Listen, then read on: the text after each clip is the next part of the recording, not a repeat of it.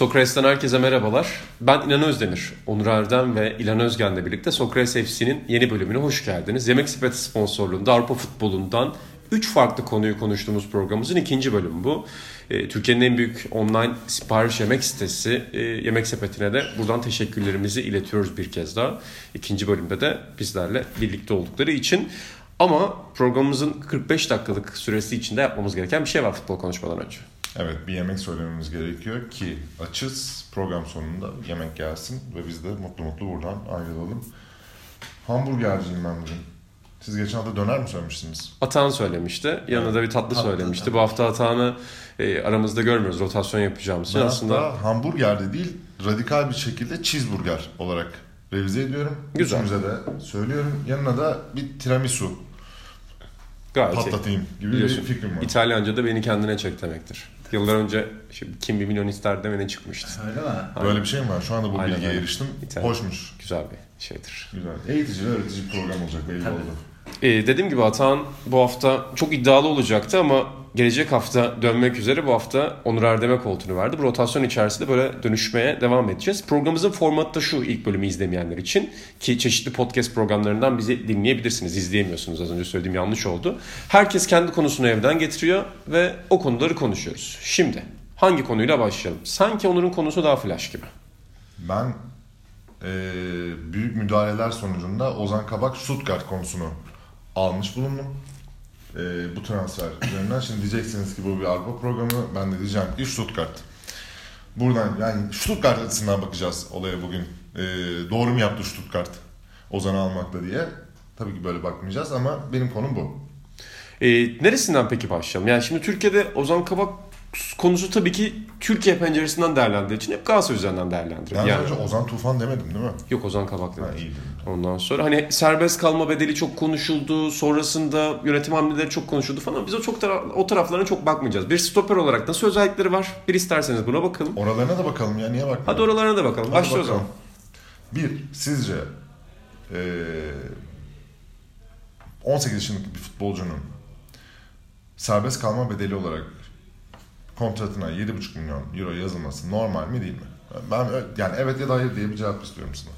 Ya normal gibi geliyor bana açıkçası. Sence? Bence yani hani altyapılarda takip edenlerin hep övdüğü bir oyuncuyu düşünürsek bence yeterli değil o rakam. Koymak zorunda mıydı kısmı var. Yani koymak zorunda olmadığı için bence normal değil. Ha şu açıdan da bakarsan şunu söyleyenlere de bir şey diyemiyorum tabii de yani. Abi 18 yaşında sezon başladığında daha bir tane maça çıkmamış doğru düzgün. Kimsenin ne olduğunu bilmediği, yani kimsenin derken kamuoyundan bahsediyorum yani bilenler biliyordur tabii ki de. Ee, bir futbolcu için 7,5 milyon euro koymak yani öyle bir şeyin ol, olabileceğini tahmin etmek çok zor diye. E zaten ama yani o zor dediğimiz kısmı yapabilsinler diye benden senden bir farkı olsun diye o yöneticiler oradalar.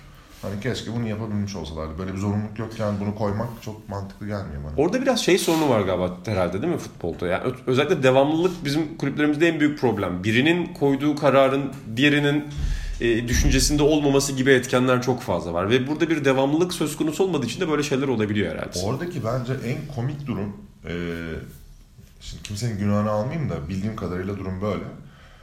Ozan'ın kontrat detayından yeni yönetimin haberinin olmadığı. O zaten çok komik bir detay. Yani bu şey de olabilir mesela takımın en büyük yıldızıdır. Adam 6 ay daha kalmak için adama dersin ki ben sana gelecek sezon 5 milyon euro daha vereceğim falan diye saçmalıyorum şu anda da. Böyle bir şey verirsin yönetimin bundan haberi yoktur. Adam geri kapınca "Aa, abi nerede benim 5 milyon lira ertesi sene yönetim değişmiştir. Bun, bundan çok bir farkı yok bunun yani. Hani o devamlı kısmı dediğin gibi aslında doğru yani bakılması gereken atıyorum 30 tane topçu var. 30 tane kontrata bakacak birisi. Abi Ya ne var burada? artık yani. Yani işin bu zaten. A takım nasıl gidiyor, nasıl e, hayatına devam ediyor. Bunu kontrol etmek için oraya geliyorsun ve daha adamın sözleşmesiyle ilgili bilgin yok. Garipmiş cidden. Bilmiyordum ben. Ya da mesela Fatih Terim adamı oynatmaya başlattı Ozan'ı. Hadi bir maç oynadı, iki maç oynadı. Bu, bu konuda bir bilgin olsa dersin ki ya hoca bunu oynatıyor ve bu çocuk oynamaya devam edecek. Ne olur ne olmaz diye. Çocuk da daha böyle kendini ispat etmemiş, kendine güveni tam gelmemişken hadi birazcık daha ticari mantıkla bakayım yani oyuncu açısından değil de kulüp açısından bakayım. En azından orada dersin ki ya şu maddeyi atıyorum 7,5 değil de biz şunu bir 20 kağıt yapalım. Senin de e, maaşına atıyorum bir 100 bin 150 bin euro daha ekleyelim deyip en azından bu riski bertaraf edebilecek çok basit şansları vardı yani. Söylediğin şey çok doğru ya. 7.5 konulması benim açımdan çok sıra dışı bir durum değil açıkçası. Ben dışarıdan bakan futbol severim. Yani çok doğal gibi geliyor bana ama süreç içerisinde bunun kontrol edilip eğer arttırılma gibi bir imkan varsa arttırılmaması, yeni sözleşme yapılmaması orada ilginç olan şey. Ya bütün kamuoyu Aralık ayında Ozan Ozan Kabak'ın sözleşmesinde böyle bir madde olduğunu öğrendik. Hep Evet. beraber. Büyük ihtimalle yönetimdekilerle de beraber. Yani menajerinin yönlendirmesi ve oyuncunun hani böyle bir ihtimal doğmasıyla beraber zaten bu ortaya çıktı muhtemelen. Yani Allah bilir şu anda hani Yunus'un işte sözleşmesine falan filan da bir bakmak lazım yani. yani oradakileri de bir kontrol etmek lazım. Herhalde bunun üzerine bakmışlardır diye tahmin ediyorum. Ya muhtemelen sırayla bakmışlardır işte. Yani diğer genç yetenekler de var ya çok var, konuşuluyor Galatasaray söz Atalay. konusu olduğunda. Atalay yine aynı şekilde çok konuşuluyor. Yani e, İlhan Özel sen ne düşünüyorsun bu arada transfer konusunda? Ya ben yani ne aldı ne bitti ondan ziyade geçen senle konuştuk galiba onu. Ben bu kafa yapısının değişimi konusunda biraz tereddütteyim. İşte dün röportaj için Rüştü Reçber'le birlikteydik. Yani o da aslında benimle aynı düşünceyi paylaşıyormuş. Mutlu oldum hatta. Yani Galatasaray parlayan bir oyuncusunu ve hani gelecekte Türk futbolu için önemli olacağı düşünülen ben daha çok erken olduğunu düşünüyorum hele bir stoper için ama e, bir oyuncusunu ilk fırsatta elinden çıkardığında buna karlı bir iş olarak bakılıyor. Yani abi artık böyle yetiştireceksin, satacaksın. Ya yetiştireceksin, satacaksın felsefesinde olan kulüpler zaten belirli kulüplerdir. Yani Manchester United yetiştirip satmaz ya da Milan yetiştirip satmaz. Yani Milan'ın bugünkü durumunun sebebi yetiştirip satma felsefesine girdiği için zaten. Ya sen Galatasaray'sın. Bu ülkenin Avrupa'daki en büyük takımısın. Çok büyük başarılar elde etmişsin. Ben Galatasaray gibi, Fenerbahçe gibi, Beşiktaş gibi takımların artık biz yetiştirip satacağız abi işimiz bu deyip kendini Anderlet standart diye iş seviyesinde görmeye başlamasını korkutucu olarak nitelendiriyorum. Bir kere böyle bir refleksleri yok, böyle bir kasları yok. Hani geldiğimiz ekonomik durumda bu bir zorunluluğa dönüşmüş olabilir. Anlıyorum ama zaten hani 100 yıllık gelenek içerisinde bunu yapmamışsın. Ne taraftarın, ne kulübün, ne oyuncun hani böyle bir üzerine sinen bir şey vardır yani kulüp yapısı diye. Zaten böyle bir durum yok. Bunu yapmaya kalktığında da her şey alaşağı olur yani. E tabii bu sefer hiç oyuncu yetiştiremeyeceksin eline. Bir yanda yani Galatasaray hani hep Bülent Korkmaz'la övünür. İşte daha önce e, Metin Oktaylarla, Turgay Şerenlerle övülen bir takım. Hatta bence üç büyükler içinde Beşiktaş'la birlikte en çok kendi malını üreten takımlardan Galatasaray. Yani Galatasaray'ın kültürü aslında yetiştirmek ve işte tüm kariyerini Galatasaray'da geçirmiş adam üstüne takımlar kurmak, ona liderliği vermek. Bundan 10 yıl sonra bu düşünceyle Bülent Korkmaz'ı andıran bir adam bile göremeyeceğiz belki. Daha bak bu çocuk 5 yıldır takımda falan da diyemeyeceğiz böyle giderse. Ee, O beni korkutuyor açıkçası. O yani Onur'un dediği gibi kriz var. Şu an mecbur kaldılar. Evet. Normal bir şey. Bu transfer normal ama ben genel kamuoyundaki o artık böyle yetiştirip satılacak abi kafasına karşıyım. Ben bunun bir geçici e, bahane de olduğunu inanıyorum. Yani Türkiye'de bence kulüpler yetiştirip sattığı zaman o aldığı parayla ne yapacağını da bilmiyorlar. Galatasaray şu an aldığı 12 milyon euro değil 100 milyon euro da olsa Galatasaray'da bu 100 milyon euroyu harcayacak refleksi sahip yönetici sayısının kaç olduğu çok tartışılır sonuçta. Senin dediğini destekleyecek bir tane örnek vereyim. İşte Tarık Çamdal'ın kontratından çıktılar. Ee, nihayet. Tarık, Tarık için verilen toplam bonservisle Tarık'a şu ana kadar ödenen e, bütün yıllık ücretleri topladığında bir Tarık toplam Ozan'dan aldığın bonservisi kadar. Bu kadar. Yani inanılmaz bir şey ve biz bunu hep şey ekseninde değerlendiriyoruz değil mi? Bir dönem yabancı sınırı konusu üzerinden sadece değerlendirdi ama aslında kulüplerin böyle hep arkasına sığındığı bazı bahaneler var. Bir dönem bu FFP oluyor. Bir dönem Türkiye'deki ekonomik kriz oluyor. Bir dönem deniyor ki işte Bosman geldi artık genç yeteneklerini de tutamıyoruz falan. Ama bir şekilde hep bir bahane oluyor. Mesela bir örnek daha vereyim sana. Galatasaray'ın yanlışım yoksa Sofyan Feguli kontratı 2022'ye kadar sürüyor. Yani Feguli şu anda ikinci sezonunu yaşıyor. 3 sezon daha garanti kontratı var. Bu garanti kontratta yine yanılmıyorsam 3750 ya da 4 milyon euroluk e, sabit maaşı var. Yıllık maaşı var. Sırf önümüzdeki daha oynamadığı 3 sezonun için borçlandığım para zaten Ozan Kabak parası. Yani hani bunu yılbaşından önceki programda şeyde konuşmuştuk YouTube tarafında. Ya büyük ikramiye 70 trilyon. Çeyrek bilet alıyorsun. 17,5 trilyon. Türkiye'de büyük ikramiye kazanacaksın ve 17,5 trilyon kazanacaksın yani. Hani bu sene tama vurdu da normalde genelde çeyreğe falan vurur ya. Abi 17,5 trilyon dediğim para, milyon dediğim para neyse artık o. Selçuk İnan'ın yıllık maaşı. Selçuk İnan bu sene 3 maç, 4, 4 maç falan oynadı. 34 yaşında.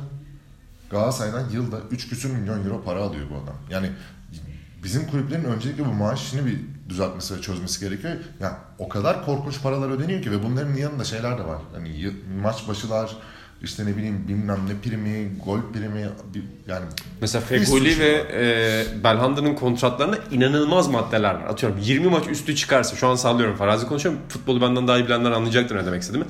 Eskiden gol asist primi olurdu. Şimdi o da değil.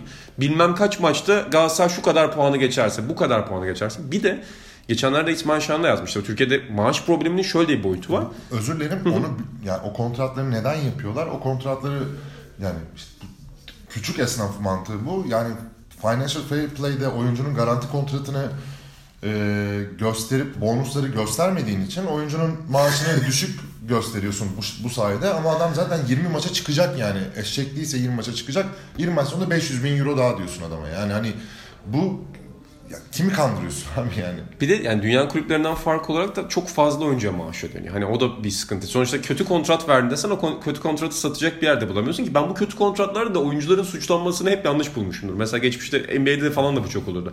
Ben de oyuncu olsam bu kontratı alırım. Yani kulübe gidip Tabii ne yapacağım? Yani bana bu kontratı verme mi diyeceğim? Ya, Kulüptür suçlanması. Bu seneye gerekiyor. kadar Tarık Çamdal'a ben edilen lafları ben bu seneye kadar diyecek bir şey yok abi adama gittin aldın parasını verdin adam da hayır mı diyecek yani? Ha, oradaki etik ahlak diye konuşabileceğin hani sporculuk ahlakıyla alakalı olan kısım hani adamın yapması ve bundan dolayı hiçbir şey yapmamayı tercih etmesi. Zamanında işte Serdar Kesimoğlu için Fenerbahçe'de de benzer bir durum olmuştu.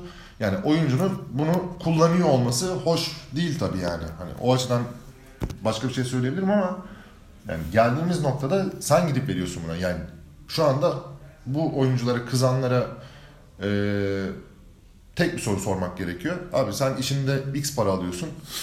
Müdürün geldi sana dedi ki veya işte patronun ya ben sana bundan sonra 3x vereceğim veya başka bir şirket geldi sana x değil de 5x vereceğim dedi. Adamlarla kontrol ettiğim zaman sonra dediler ki ya işte atıyorum Onurcuğum sana 5x verdik ama yani bunu biz bir indirelim mi? Diğer şirketteki çalışanlar işte ne bileyim falan onlar sana düşman. Ulan bu kadar para alınır mı? Bu adam bir şey yapmıyor. Abi ben almadım. Siz verdiniz yani bunu. Kızacaksanız yönetimlerinize kızın yani. Burada e, ben Stuttgart eksene döndüreceğim biraz Ozan ve Stuttgart. Geçenlerde işte yazanede de yazarlık yapan sevgili Almanya'da yaşayan Fikret Özer güzel bir bilgi vermişti bununla ilgili. O Stuttgart taraftarı Almanya'da yaşıyor zaten. E, Ozan Kabak için 12 milyon euro doğruysa demiş ki doğru sonra çıktı. Stuttgart 11, e, 11 mi çıktı? Stuttgart kendi transfer rekorunu kırıyor diyor. Ve orada şöyle güzel bir detay vermiş. 1994'te Stuttgart'ın 19 yaş takımı hocası olan Ralf Ragnick Brezilya'ya gitmiş ve Ronaldo'ya transfer teklifi yapmış. O dönem Cruzeiro 4 milyon euro istemiş o dönemin parasıyla ve Stuttgart bunu o yaştaki bir oyuncu için fazla bulduğu için reddetmiş hani futboldaki anlayış değişimi, Almanya'daki ya da Avrupa'daki anlayış değişimine dair de çok ilginç bir şey. Şeyi anlatıyor bir de. Stuttgart altyapısından çıkardığı Werner'i 14'e, Rudiger'i 10'a, Kedire'ye 14 milyona göndermişti. Şimdi 12 milyon 19 yaşında futbolcu alıyorlar diyor. Hani ortamın 2-3 sene değiştiği şey çok acayip diyor. Ve e, fark şu bizdeki kulüplere göre diyor. Stuttgart bunu sistematik olarak yapıyor. Yani Pavard'dan başlayarak Maffeo gibi gençleri buraya getirmesi çok daha kolay oluyor. Çünkü bunlar en üst seviyeden önce oyuncuların çıktığı bir durak oluyor. Bu açıdan Ozan Kaban Stuttgart hamlesini nasıl değerlendiriyorsun? Yani Stuttgart ne katabilir sizce? Ya da Almanya futbol ikliminde oynamak. Ya Almanya futbol iklimini bilmiyorum da hani Stuttgart gibi bir takımda ya dediği gibi ilk tecrübesini yaşaması daha önemli bence. Hani ben onu daha evvel İtalya Ligi için de e, Bernardeschi transferinde galiba konuşmuştuk Emre ile. Yani orada mesela Roma gibi takımlar, Cengiz transferinde de aynı şeyi konuşmuştuk. Roma gibi çok fazla baskınlı olmadığı ama oranın önemli takımlarından biri, önemli kültür abidelerinden biri e, içinde yetişmek, orada ne denir modern dünyaya uyum sağlamak önemli. Bir kere bu açıdan ben yani psikolojik açıdan en önemli hamleyi yapmış. Ya diğerinde de ben Alman futbolu ben acayip bir şey iyi şeyler söyleyemeyeceğim yani Alman futbolu ile ilgili savunmacıları yetiştirme açısından da yani bir şeyler öğrenir muhakkak da yani hani futbolun acayip geliştir, genişle, şey, geliştirecek, şunu yapacak, bunu yapacak gibi metiyeler düzmeyeceğim. Daha çok düzülen yerler var. Hani altyapı sistemi Almanya böyle gelişiyor, şöyle gelişiyor. Bayıldıkları sistemde bir dünya kupasını ite kaka aldı yani. Brezilya maçını çıkar hiçbir şey yokken. Ben Almanların biraz o konuda abartıldığını düşünüyorum ama Avrupa'ya adım atmak, Stuttgart gibi bir takıma gitmek iyi bir şeydir. Bakalım. Ya bir de bu nasıl söyleyeyim belli yollar birkaç kere aşıldıktan sonra bu bir geleneğe dönüşür ya. Yani şimdi yani onun yabancı kuralından dolayıdır değildir oraya girmeyeceğim. Ee, ama Cengiz'in bu ülkeden son 2-3 yıldaki çıkışlara bakıyorum. Enes Ünal'ın buradan çıkması gitmesi, orada oynuyor olması, Cengiz'in buradan çıkıp gitmesi, Cenk'in buradan belli bir bonservisle gitmesi, Çağlar'ın keza aynı şekilde Freiburg üstü Premier Lig yapmış olması. Şimdi Ozan'ın gidiyor olması. Arada Okay Yokuşlu gitti, Emre Mor gitti falan. Serdar Gürler Yani gitti. Serdar Gürler gitti döndü. Onlar birazcık da Emre Çolak gitti döndü. Onlarınki birazcık da bence menajer işi gibi görünüyor da. Ee, İstanbul sporlu çocuk var. Ha, şey, Zeki Çelik'i mi diyorsun? Zeki Ve mesela Lille'de acayip performans Aynen. gösteriyor. Yani aslında Avrupa'da en iyi iş yapan Türk futbolculardan biri. Eskiden hep konuşurduk ya abi Hırvatlara veriyorlar 50 milyon bonservis işte ne bileyim e, Hollandalı çocuğa 35 milyon veriliyor da bizim çocuğa verilmiyor. Abi Hollandalı çocuğa 35 milyon veriliyor çünkü Hollandalı çocuğun liginden çıkmış başka bir Hollandalı veya o ligin herhangi bir oyuncusu 20 yaşında gittiyse diyelim 20 yaşında o ligden çıkmış yaklaşık 30 tane örnek var. Benzer paralara gitmiş. Bundan önce bu 30'un nereden baksan 20'si başarılı olmuş ve adamlar da diyor ki evet bu lig bu yaşta bu tarz adam üretebiliyor. Bunun içinde şey de var yani. E, hani sosyolojik temeller de var yani. Sonuçta Hırvatistan'dan çıkan adam yurt Avrupa'da futbol oynama, oynarken herhangi bir sorun yaşamıyor. Profesyonellik problemi yaşamıyor. Türkler işte duygusaldır, duygusaldır falandır filandır gibi hikayeler var. Hani Arda'nın en son Barcelona'daki kurduğu Türk klanı gibi düşün yani. Hani Brezilyalılarda da vardı da o. Hani bu adamlar kafa olarak buraya uyum sağlayabilecekler bir sorusu da var. Yani sen bunu gösterdikçe, ispatladıkça bu yol daha da aşınacaktır ve gerçek bir yola dönüşecektir yani orası. Sonra da bir gün gelir birisi üzerine asfalt döker, patır patır gider gelirsin yani. Şu anda birileri bir yol açıyorlar. En, Çağlar gitti Freiburg'a, Freiburg'dan Leicester'a gitti. Bugün Ozan Kabak Stuttgart'a, Stuttgart'a gitti. Stuttgart'tan sallıyorum Juventus'a gitti, bilmem nereye gitti, bir yere gitti. Gitti Bu Liverpool'da yedek stoper Evet. oldu. Bundan sonra Almanya'daki herhangi bir takım da Türkiye'ye gözünü rahat rahat çevirebilir. Almanya'yı pas geçip diğerleri çok daha önceden gözünü buraya dikebilir. Önemli olan bu örneklerin artması ve gitmesi ve orada oynayıp kendilerini ispatlıyor olması ve gerçek bir hani futbol dünyası diye bir şey var. Biz o dünyanın içerisinde Türkiye dünyası olarak varız ama global futbolcu yetiştirebiliyor muyuz? Soru bu bence. Cengiz'in başarısı, Cenk'in şu anda kötü gidiyor da yani Cenk'in başarısı o yüzden önemli yani. Biz global ölçekte futbolcu, futbol dünyasına ait futbolcular yetiştirebildiğimizi kanıtladığımız sürece burası önü daha da açılan yarın öbür gün evet belki daha yüksek sesle Ozan Kabak 18 yaşında daha 6 ay top oynamayan bir adama 11 milyon euro veriliyor Nereden baksan altı dolu bir itiraz olabilir. Ama yarın öbür gün bu itirazı daha şiddetli yapabilecek hale gelebiliriz o zaman. Yani abi bu adam 25'e gidebilirdi, 30'a gidebilirdi sorusu şu an için çok farazi birazcık çünkü. Bir de ben o artık ülke tip karakteri olaylarının çok tabii kalmadığını düşünüyorum. Yani özellikle belli bir nesilden sonra artık insanlar çok aynılaşmaya başladı. Tabii ki hala bir Fransız futbolcu tipi, bir Türk futbolcu tipi vardır ama bugün evrensel bir futbolcu tanımı varsa herkes o evrensel futbolcu tanımına uyuyor. Yani aynı etçiye gidiyorlar Dubai'de, aynı tuzu atıp eti yiyorlar. Aynı Twitter hesabını aynı sosyal medya danışmanıyla kullanıyorlar. Her maç sonrası yazdıkları ve söyledikleri şey aynı oluyor. O yüzden Türkiye'nin ya da herhangi bir ülkenin bu iklime girmesi artık özellikle 18 yaşında bir çocuk için çok da zor değil bence. Yani çünkü farklı bir dünyada büyüyorsun. Mesela bir önceki jenerasyon için bile bu söylenebilirdi bence. Artık biraz daha fark azalmış olabilir. Belki Ozan Kabak jenerasyonları bunu gösterecektir. De yani sonuçta hani internet vesaireyle beraber dünyaya daha entegre büyüyor bu çocuklar. Daha bireysel bir jenerasyon geldiği için daha birey odaklı yani kendilerine e, değer veren çocuklar olarak büyüyorlar. Yani bunların hepsinin sonuçlarını göreceğiz yani. Şu anda daha hepsini gördük mü bilmiyorum da. Nihayetinde bu çocuklar dünyaya daha entegre. Dünya yani dil az en kötü ihtimal kendini kurtaracak kadar bilen oraya gittiğinde hani yes no ötesine geçebilmiş çocuklar olacaklardır diye tahmin ediyorum. Ya o zaman başlangıç olsun. Hani Atalay da buradan gitsin belli bir noktadan sonra. Atıyorum Bursa Spor'dan da bir çocuk çıksın gitsin. Yani o trafiği sağlamak lazım çift taraflı. Çift taraflı trafiği sağlamadığın sürece entegre olabilme şansı yok zaten. Ben burada İlhan Özgen'in konusunu atacağım pası. Ee, Ozan Kabak üzerine durduk. Ee, sizin ikinizin de konuşmak istediği ama son kertede İlhan'ın kaptığı bir konu var. Veto ettiğin. Çok Premier Lig oluyor. Yani Kimdir konu nedir? Gonzalo Higuain denilen adamın nihayet kendini Milan'dan kurtarması. Gitti değil mi Chelsea'ye kesin Yani o iş. neredeyse kesinleşti. Sarri yeni bir büyü yapacak herhalde Higuain'le. Ya ben adama üzülüyordum açıkçası. Hiç sevmediğim bir oyuncudur. Hep anlatırım Dünya Kupası'nda ben onu izledim ve Arjantinli olsam sahaya girip boğardım diye. Messi olsan da arada. Tabii ya Messi, Mascherano hepsi boğmalıydı o gün. Finalde özellikle zaten çok flash olmuş. Ya İşte yarı hala- finalde esas. Yani finalde de haklısın ama yarı finalde ben stat'tan izlediğim için hani Trakya'da kalpazanlık derler bu beleşçi forvete. Ya bu kadar beleşçi olunmaz baba. Sene 2010'lar artık yani. Topun sadece ayağına gelmesini bekliyor. Tanju Çolak için denir ya, onun to- ayağını açacaktın topu, önüne attın mı koşmaz. İnanılmaz bir şeydi. Sonra İtalya'da e, hakikaten oyunu geliştirdi. Bunu da işte miladını Sarri olarak görüyorlar. Ee, şimdi ceza sahasında orta saha arasına çıkan, oradan oyunu yöneten, hakikaten oyunu okuma açısından bayağı bir gelişme gösteren bir oyuncuydu.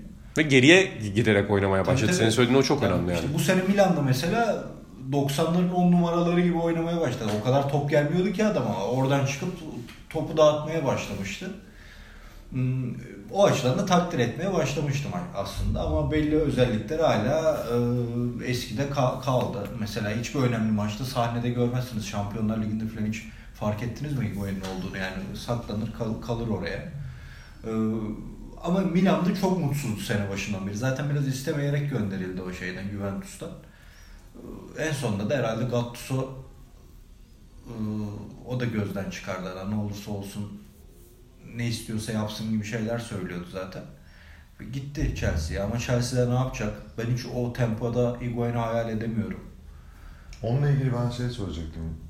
Yani hiç mobil değil bir kere. Ya Yani bu kadar mobil olmayan bir oyuncuyu neden istersin Premier Lig temposunda oynayan bir takımda? Aklıma sadece tek bir şey geliyor. Yani Chelsea 11'inde kadrosunda Eden Hazard dışında tek başına skor üretebilecek bir Allah'ın kulu yok.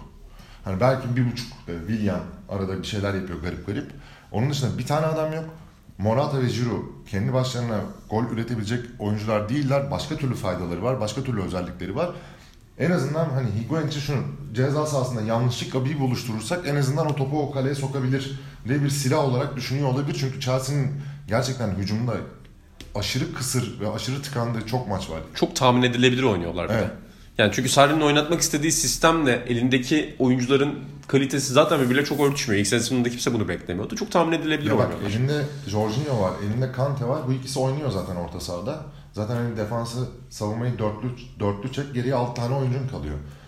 İki tane oyuncu Kante ile Jorginho. Kante zaten savunma Tam kapasite onu oynatamıyorsun bir de. atmaya çalıştı. O başka bir konu. Hani tekrar yerine döndü. alan yaratmaya çalıştı onlar. Olmadı. Alan yaratmaya. Ya Jorginho asist yani skor katkısı olan bir oyuncu değil. Asist ya da gol üzerinden öyle bir özelliği yok. E ilerideki forvetin gol atmıyor. Onu da düş. E abi sağdaki Willian biraz Eden Hazard yapıyor. Okey. Üçüncü oyuncu olarak Kovacic'i denedi olmadı. Barkley'i denedi olmadı. Oraya yani ya oraya bir tane skorer bir tane oyuncu alacaksın. İşte Isco'ydu. İşte ne bileyim kim düşünüyorlardı? Biri daha geçiyordu orada. Birinin ne adı geçiyordu unuttum. Ee, öyle birini koyacaksın ya da forvetinde gerçekten etkin birisi olacak. E, pas opsiyonlarına girebilecek bir adam istiyorsan elinde Giroud var ama o da gol atamıyor. Yani öyle kendi başına. Yani Higuain tercihini bir noktada anlayabilirim. Şey olarak yani prototip olarak forvet prototipi olarak ama ya ben Higuain'in 60 dakikadan fazlasını kaldırabileceğini düşünmüyorum Premier Lig'de ya. Mümkün değil yani. Belki de muhtemelen zaten o yüzden almıştır. Yani 30-35 dakika kullanacaktır. Ama Ama Morata'nın da mesela Atletico Madrid şeyi İşte o durumu var. biraz garip o Giroud'la yapıyor. Higuain başlayacaklar. O zaman senin dediğinde 60 yani Giroud 11 çıkacak. Sonra O da hiç 60'tan alışık sonra değil. hamle oyuncusu. Ya ben de hamle oyuncusu olarak da yani sezonun ortasında Milan'dan kalkıp da Chelsea'ye niye gelirsin onu da bilmiyorum yani. Yok yok Milan'dan gitmeye yer arıyorum dediğim gibi. Yani ve Hamle oyuncusu olmayı kabul eder mi ya Sen sence? Feriköy Spor'a istesen oraya da alabilirdin bence Higuain'i. Çok çok şikayetçiydi. Herifin oynarken bile zaten 5 karış suratla top oynuyordu. O alınması kolay bir oyuncu da hamle oyuncu olmayı bilmiyorum. Yani Sarri ile onun arası çünkü daha farklı olduğu için. O gol rekoru kırdığı dönemde falan hep antrenördü Sarri. Ya mesela şöyle de maçlar olabilir. Şeyi çok güzel anlattın yani. İnsanlar ben hiçbir zaman Sarri'nin antrenörlüğü ile ilgili bir şey söylemedim ama ben Sarri'cilere büyük düşmanım. Yani sanki Katanya'dan bir Napoli yarattı gibi yıllarca anlatılıyor. Çok güzel anlattın Chelsea üzerinden şeyi. Şimdi elinde Alan diye bir adam var. Yani büyük ihtimal İngiltere ya da İspanya'da oynasa daha büyük bir futbol severlerin gözünde yeri olurdu. E, Jorginho'yu zaten götürdü. Onun dışında Hamşik denen herif belki de şu anda Avrupa futbolunda orta sahadan en çok gol katkısı veren 10 oyuncudan biridir. E, onun dışında kanat oyuncusu diye oynattığı adamların hepsi gol atmak için yaratılmış. Yani İtalyan sisteminde işte Cajon 10 numara gibi oynuyordu Real Madrid'de. Insigne İtalyan 10 numarası. Yani ikinci forvet olarak yetişmiş adamlardı ama Mertens kanat forvette hatta forvet oynattı. forvet oynattı. Yani orada büyük bir dahilik yaptı gibi görüldü ama ya adamın elinde o kalmıştı. Oynattı ve tuttu. Çünkü bu adamlar gol atmak için futbol oynayan adamlar. Yani sahada olma nedenleri hepsinin gol atmaktı kariyerlerine başlarında. Ama şimdi sen klasik kanat oyuncularıyla o katkıyı sağlayamıyorsun. E bir de orta sahada böyle bir sıkıntın var. E böyle olunca da işte şey anlaşılıyor yani Napoli'nin de ya takımın oyuncunun kıymetini de orada ön plana çıkarmak lazım. Tamam herif iyi antrenördür de bak koca Chelsea'de bile yani baktığında fiyat olarak bu adamların hepsi Napoli'dekilerden yüksek oyuncu. Kariyer olarak da öyle. Ama o yapı farklı bir şey. Hani Higuain de o yapıya uydurmaya çalışacak mı? Yoksa hani ben Napoli'deki sistemi uygulayacağım, Higuain o sistemi biliyor diye mi getirdi? Orayı göreceksin bence şeyde hani sezon içinde. Bence Çünkü şöyle- Higuain de artık o Higuain değil. Bayağı 4 yıl 5 yıl geçti herhalde yani. Hani Tabii artık daha da ağırlaştı. Hatta göbek möbek bağlıyor. Her devre arasında bir göbek deniyor. Sonra tekrar zayıflıyor geliyor falan. Ya vücudu da değişti. Çok hantal. Bilmiyorum. Ben- Ben farklı bir şey de yapacak ondan. Şöyle maçlar olabilir. Yani Higuain pas forvet olarak Chelsea'de göreceksek ikinci yarıda. Şun, şunları ben şaşırmam yani. Bir Huddersfield maçı içeride. Chelsea 6-1 kazanmış. Higuain 4 gol atmış. Şaşırır mıyım? Asla şaşırmam. Ne bileyim. Yine yani deplasmanda çok etkin bir performans verebileceğine inanmıyorum. Diyorsun ki Stoke deplasmanına çıktığında Evet, yani- karlı hayır, biter hayır, yani. Stoke deplasmanından değil yani. Chelsea zaten deplasmanda oyunu rakip yarı sahaya yıkan ve orada rakibi boğan ve baskı üzerine baskı baskı üzerine yani Higuain'e kaç top gelecek de kaçını atacak yani. Hani Higuain Stanford Bridge için çok iyi bir opsiyon olabilir. Ama o da yani kaç maçta olur onu da bilmiyorum. Yani evet sezonun yarı yarı devrede gelip 10 golle tamamlayabilir ama bu 10 golü belki de 6 maçta atmıştır. Ve hani senin söylediğine ek olarak söyleyeyim. Şu anda tepedeki 6 takıma baktığımızda Premier Lig'de en az gol atan takım Chelsea. Evet. Ve hani mesela bizim sporda futbol konuşurken özellikle en az dikkat ettiğimiz şeylerden biri. Mesela bunu Türkiye'de kulüpler üzerinden de çok söyleniyor. Şimdi senin gol atan oyuncuya ihtiyacın var hakikaten orta sahada. Şimdi biz parçaları oyuncuları modern dönemde değerlendirirken artık o kadar detaya inebiliyoruz ki oyuncunun sol ayağıyla dışla verdiği bir pas üzerine mesela çok konuşabiliyoruz. Ama temelde senin orta sahadan da skor katkısı yapacak bir oyuncuna ihtiyaç var. Ve Chelsea 40 gol atmış. Hani te- tamam Tottenham falan da o kadar çok atmadı ama ne olursa olsun 50 gollerde 59 gollerde şu an Liverpool ve Manchester City ve Chelsea gibi pas oyunu oynamak isteyen bir takımın 40 golde kalması zaten onların geride kalmasının temel sebebi. Ya şöyle söyleyeyim sana. Attığı golleri şöyle kafamda kalanları düşünüyorum. David Luiz'in 50 metre top attığı defansın arkasına gittiği bir gol var mesela 2-3 hafta öncesinden. Marcos Alonso'nun hayvan gibi skor katkısı var. Gerek asist gerek skor olarak. Haddinden fazla skor Evet, katkısı skor katkısı veriyor. Sezon başında Kante'nin yanlışlıkla galiba bir iki golü olması lazım attığı. Eden Hazar'ın saçmaladı, saçmalayıp attıkları var. Onun dışında Pedro hadi e, oradan şapkadan tavşan çıkarabilir diyeceğim Thomas Müller tarzı böyle ne olduğu belirsiz bir topçu olarak Pedro'nun garip garip e, golleri var. Yani bunun dışında Chelsea'nin ben şöyle söyleyeyim. Manchester City'nin bir hücum sistemini düşünebiliyorum. Kafamda canlanıyor. Ee, Liverpool'un canlanıyor. İşte ne bileyim Tottenham'ın canlanıyor. Yani gariptir Arsenal'in canlanıyor. Yani Arsenal'in bu sene sıfıra inip özellikle Bellerin'in kanadından sıfıra inip ortaya kestiği ve kanat kanattan ikiye birlerle e, çizgiden ortaya çevirdiği toplarla gol bulduğu birçok pozisyon ve atak var. Bir, bir hücum prensibi olarak bunu düşünebiliyorum. Chelsea'de aklıma gelen tek şey at topu sol tarafta Eden Hazar'a. Eden Hazar baksın ne yapıyorsa yapsın. Chelsea'de ben bir tane oyun e, bir hücum aksiyonu kafamda yok mesela. Bundan önce şu vardı sallıyorum geçen sene. Aspilicueta'nın e, sağ içten işte half space diye konuşturan yerden e, veya bir tık daha geriden Aspilicueta'nın Morata'ya kestiği toplar ve Morata'nın attığı goller. Bu Chelsea'nin en az böyle 5 tane 6 tane golü var. Bunun denediği de bir 5-6 tane var. Hani bunları hatırlayınca diyorsun ki ya böyle bir hücum sistemi vardı bu heriflerin. Şu anda benim hatırladığım Chelsea'nin hücum sistemine dair yani Chelsea böyle atak yapar diyebileceğim bir durum yok. Çünkü Eden Hazard olduğunda başka türlü Eden Hazard olmadı zaten yok.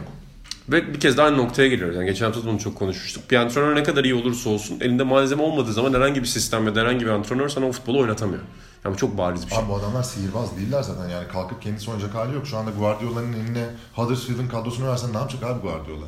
Ki bunu antrenörler de kabul ediyor zaten. Evet. Yani antrenörler de biz olmayan bir oyuncudan olan yani bir şey yaratıyoruz demiyorlar zaten. Bu değişen futbol izleyicisi zihniyeti yüzünden zaten buraya geldi. Onları sihirbaz olarak görme. Yani bu zaten futbolun kuralıdır. Adamlar da dediğin gibi farkında. Yani Sarri de bunun elbette farkında. Ya şey var işte Barcelona... Ha, söyle sen özür dilerim. Bir de şey ya o mesela sene başında Jorginho çok etki yaratmıştı insanların gözünde. O ilk kez gördükleri için de birçok insanın. Jorginho'nun şöyle bir şeyi var aslında. Ne denir ona? Defosu var diyelim. İngiltere'de parladığında da herkes hani Pirlo mu, Pirlo mu bu adam niye İtalya milli takımda oynamıyor gibi şeyler söylenmişti. Şimdi Pirlo ya da geçmişte Ancelotti işte De Rossi ya da zaman zaman o mevkide oynadığında bu adamların belli hücum tehditleri olan oyuncular. Şimdi De Rossi gider kafa vurur. De Rossi gider şut atar. Scholes'u mesela hatırla. Acayip golleri vardı ceza sahası Evet, dışında. Yani Pirlo İtalyan Serie A tarihinin bir sezonda en çok frikik atan oyuncusu. Toplamda da en çok vuran oyuncu. Yani uzaktan şut atar. Hatta ilk dönemlerinde ceza sahasına koşu atıp Bayern Münih falan kafayla attığı gol de vardı. Oralarda da gezinirdi. Jorginho'nun hiç yani orayla hiç ilgisi yok. Golü geçtim asiste bile ilgisi yoktur onun. Yaptı mı asist bu sene? Yapmadı. Yapmamıştır bak. Yapmaz çünkü. Yani Napoli'de ne yapar? Asisti yapan adama verir o pası filan. Ya o garip bir oyuncu. Yani ben bunlara böyle şey oyuncu diyorum. Ne derim? Zahmetli oyuncu. Milinkovic Savic de öyle. Yani Dişli gibi bir sistemin Ha, dişlisi. o sistemi kuracaksın da orada son parça koyacaksın çalışmaya başlayacak her şey. Bunlar zahmetli adamlar. Yani bunları takıma uydurmak, takıma sokmak zor iş. Onun için İtalya milli takımını çalıştıran adamları da anlıyorsun. Çünkü az zamanları var adamlar. Conte'yi de anlıyorsun, Ventura'yı da anlıyorsun. Adam diyor ki ya De Rossi gibi bir adam burada oynatabilirim. Stoper oynar, sağ iç oynar. Ee, çok sıkıştın mı ileri bile atarsın.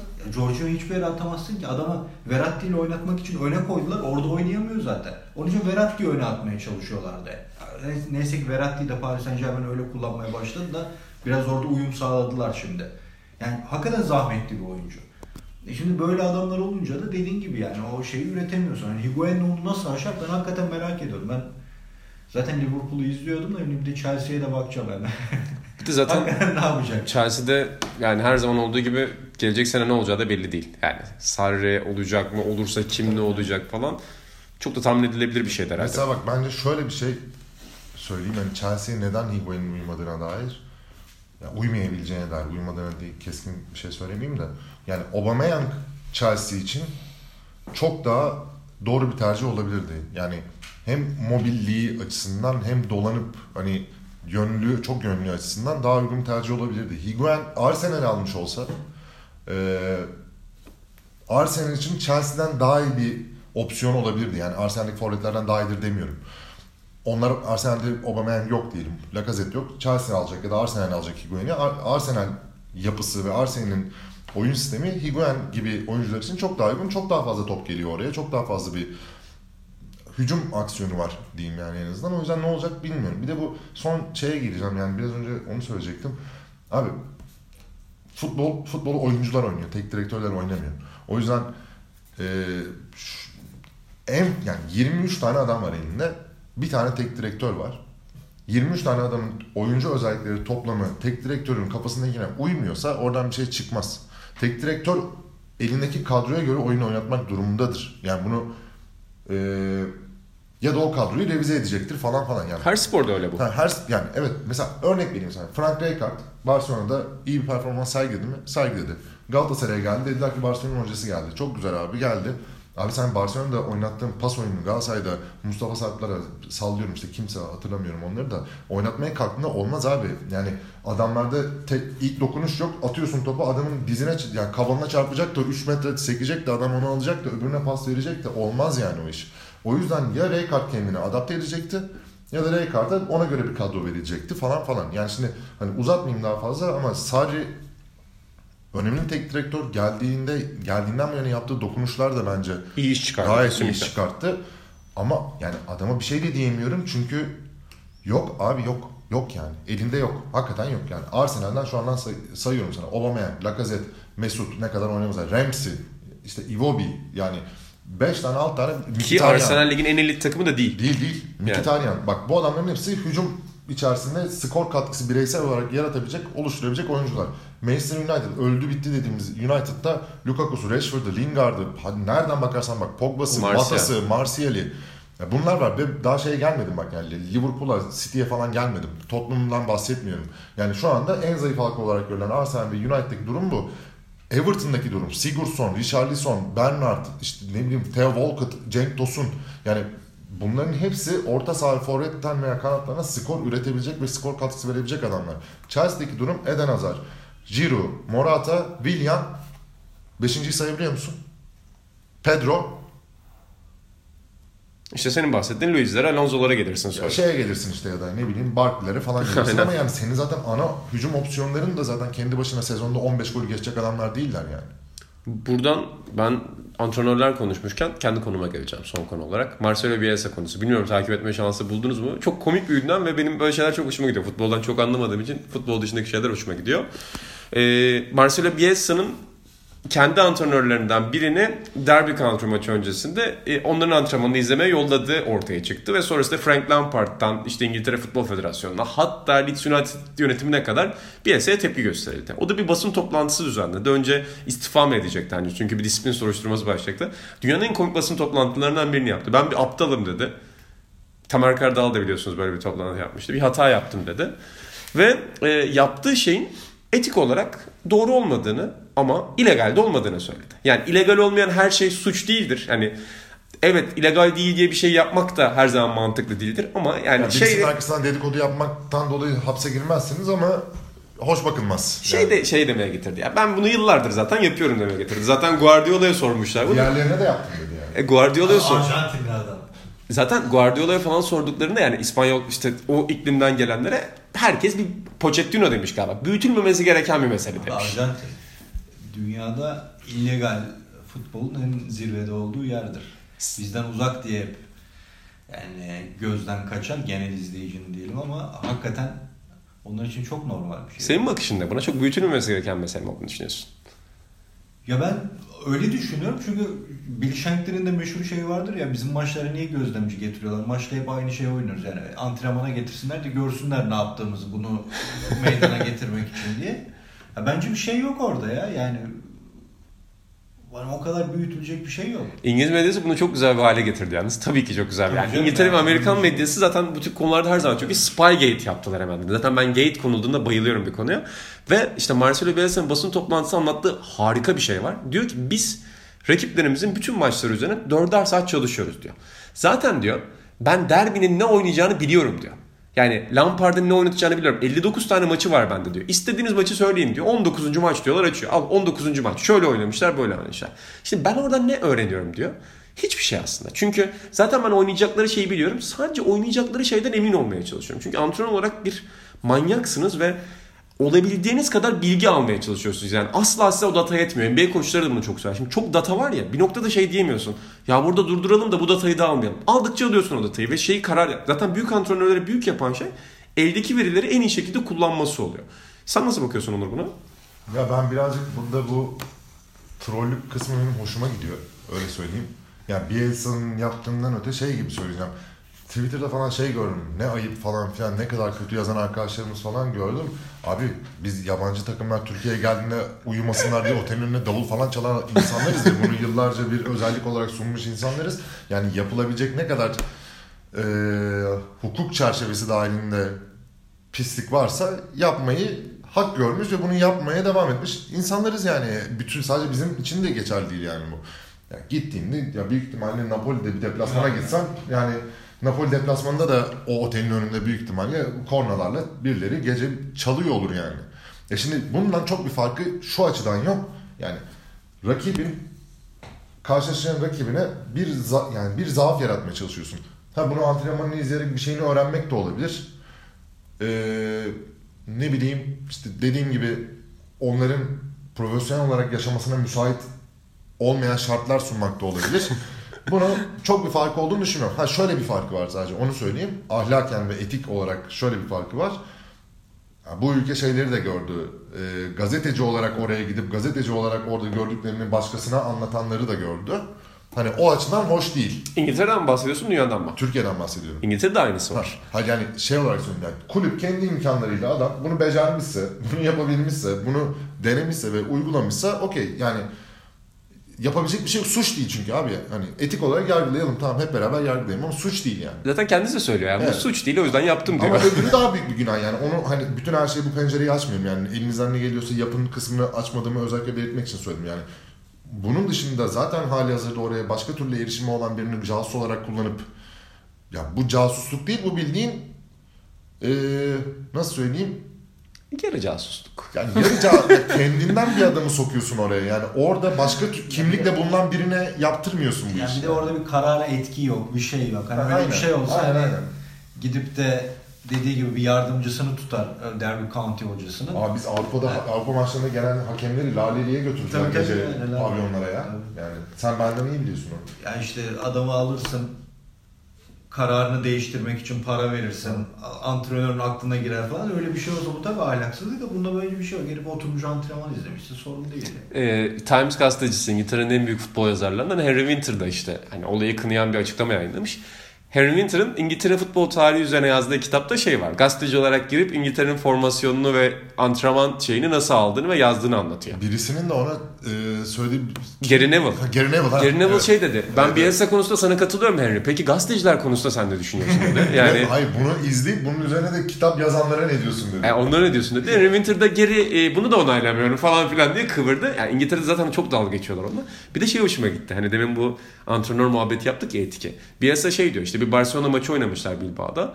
3-0 yenilmişler. Maçtan sonra Guardiola buna gelmiş şey demiş. İşte bu tebrikler Guardiola harika oynadığını demiş. Guardiola da şey demiş ya hani Marcelo sen Barcelona dair benden daha çok şey biliyorsun. Bundan eminim demiş. Bielsa diyor ki biliyorum da ne işe yarıyor. 3 tane gol yedik yani diyor. Hani orada şeyin sınırını da çok güzel çiziyor. Data çok önemlidir. Oyuncu kalitesi, malzeme, antrenman şartları her şey çok önemli ama hiçbir şey başarının tek formülü değil futbolda. Abi şey gibi ya basketbolda git bak sallıyorum bundan 30 sene önceki basketbol olsun diyelim. Altyapılarda oynuyorsun. Sen or, işte ortaokuldasın. 2 metrelik bir çocuk var. Biliyorsun bu adamın üzerinden oynuyorlar. Ben benim başıma geldi bu. Yani o herifin üzerinden oynuyorlar. Adam 2 metre. Ben o sırada 1.85 falanım. 15 santim var aramda. Bir kafa var. Adam benden 3 kat daha büyük falan yani. Adama topu veriyorlardı. Biliyordum ona geleceğini. Adam dönüyordu. Benle beraber top potaya sokuyordu.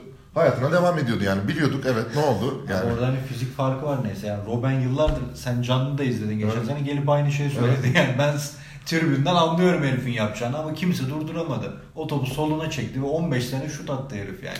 E James Harden şu an aynı hareketi yapıyor. Tek bir hareket. Yani bir step back üçlüğü var. Herkes diyor ki tamam bu step back üçlük durdu. Kimse durduramıyor. Bazen böyle bir şey yani. Scouting ve data gerçekten çok önemli şu an. Her şeyden önemli hale geldi. Ama şey yok. Mesela bizde de ben şey datasını çok severim. Yıllar önce siz Türk deplasmanlarından bahsettiniz ya. Mesela Sparta, şey, Galatasaray mesela Bursa Spor'la oynuyor. Bursa Spor'da 9 sene önce oynamış bir oyuncu oluyor Galatasaray'da. Şey diyorlar takımı çok iyi tanıyan oyuncuya sonra. o data kullanımının en önemli şeyidir Türk futbolunda. Bir de şey en güzeli de adam mesela dediğin gibi Çek Cumhuriyeti'nden Fenerbahçe sallıyorum işte. Prag'dan geldi diyelim. Galatasaray'da Milan Baroş var diyelim. Galatasaray gitti şeyle eşleşti. Sıla işte ne bileyim bir tane takım söyle oradan. Sparta, Sparta Sparta, Prag. Prag'la eşleşti. Baroş Galatasaray'da Sparta Prag'la ilgili bilgileri veriyor. Ulan Baroş Çek Cumhuriyeti'ne uğramayalı 15 sene olmuş ya. Yani hani. Ne hatırlıyor orada da partiye gidiyor Ya partiye gidiyor abi. Ya tamam neyse biz gene şeyi övmeyelim. Hadi. Ee, Casusluğu övmeyelim. Casusluğu övmeyelim de o küçük trollük benim hoşuma gitti yani. Abi bunlar tadı tuzu olsun yani. Ya bir de zaten şeyi de gördük bence zaten. Bielsa'nın yani uyabileceği tek şey artık İngiliz futbol ortamı. Ya çünkü şovu en çok isteyen futbol ortamı. Sirk, sirk. Dürüstçe bir şov yaptı. Yani müthiş bir sirkti. O PowerPoint gösterisi falan çok komikti yani. O zaman programın da galiba sonuna geldik. Evet. Yemekler de geldi zaten. Kapı Evet, çalıyor şu anda. Sokrates, evet Sokrates hepsinin... cheeseburger ve tiramisu. Ya neydi tiramisu? Nasıl tren? Beni kendine çek. Beni kendine çek. Ha, İtalyanca. Burada İtalyanca bilen bir isim de var yanımızda. İlhan Özgen de var. İlginç bir isimmiş yalnız ya. Ya kendine değil de daha çok üstüne gibi bir şey oluyor ya. Yani tirare çekmek demek. Mi orada hani Ben. bildiğim değil. Su da hani üstün üst 10 İngilizce Hocam 10 beni üstüne çek falan olay başka yere gitti biz Yani kapatalım. aynen biraz zaten öyle erotik bir şey var orada. Evet. Ondan dolayı. Dediğim gibi yarışma Bu programında tatlıya bundan sonra daha başka türlü bakacağım. yarışma programında yıllar önce aklıma kazanan bir soru ve Kenan cevaptır. Işık varken tabii. Aynen. Helal olsun. Efsane dönemde. İlhan Özgen, Onur Erdem ve ben İlhan Özdemir. Sokrates FC'nin ikinci bölümünde sizlerle birlikteydik. Yemek Sepeti sponsorluğunda. Podcastlerimiz devam edecek. Futbol ve basketbol podcastlerimiz. Başka podcastlere de gireceğiz sezon içerisinde. Bizi çeşitli podcast mecralarında dinlemeye devam edin efendim. Görüşmek üzere.